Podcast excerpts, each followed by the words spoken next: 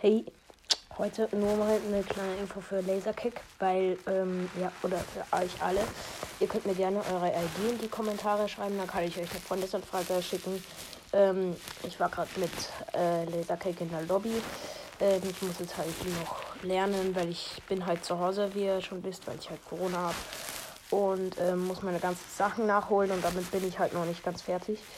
Und deshalb muss ich das jetzt machen. Aber ihr könnt dann gerne äh, mal mit mir zocken und ein bisschen pushen. Ich brauche hier Hilfe, dass ich Mortis wieder hochpush, weil ich drop ihn in letzter Zeit sehr viel, dass, da ich keine guten Mates habe. Ähm, ihr könnt mir auf jeden Fall, also ich würde mich auch wirklich drüber freuen, wenn ihr mir eure ID reinstellt. Ähm, ja. Auf jeden Fall kann ich heute so circa um 15 Uhr mit euch zocken. Ähm, wer mir halt dann eine Freundesanfrage schickt. Ähm, Lasercack, könntest du mir vielleicht helfen? Mortis Rang 25 und Shelly und Bull halt auch machen.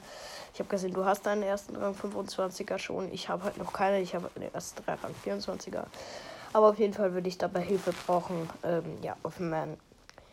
Das habe ich euch, glaube ich, noch nie gesagt, aber mein guter Account, ähm, der hatte halt 52.000 Pokale höchstes Mal. Und ich war da auch in der Weltrangliste unter den ersten 50. Also da war ich wirklich extrem gut, aber ich habe da halt den äh, den Glitch angewendet, den, bin, ihr wisst schon, Duelle-Glitch. Und dann bin ich halt gebannt worden. Und da hatte ich halt auch RZM und sowas als Freunde und Hyra. Und jetzt habe ich halt keine guten Mates mehr. Weil ich kann mich mit denen nicht mehr verständigen. Ich habe denen ihre Telefonnummer nicht gehabt. Und ähm, ja, wir wissen halt nicht, dass ähm, Hashtag Juli mein zweiter Code ist. Deshalb habe ich die guten Mates nicht mehr. Deshalb würde ich mich echt freuen, wenn ihr mir eine Freundesanfrage schickt, wenn ihr halt so gute Gamer seid. Ähm, ja. Ciao.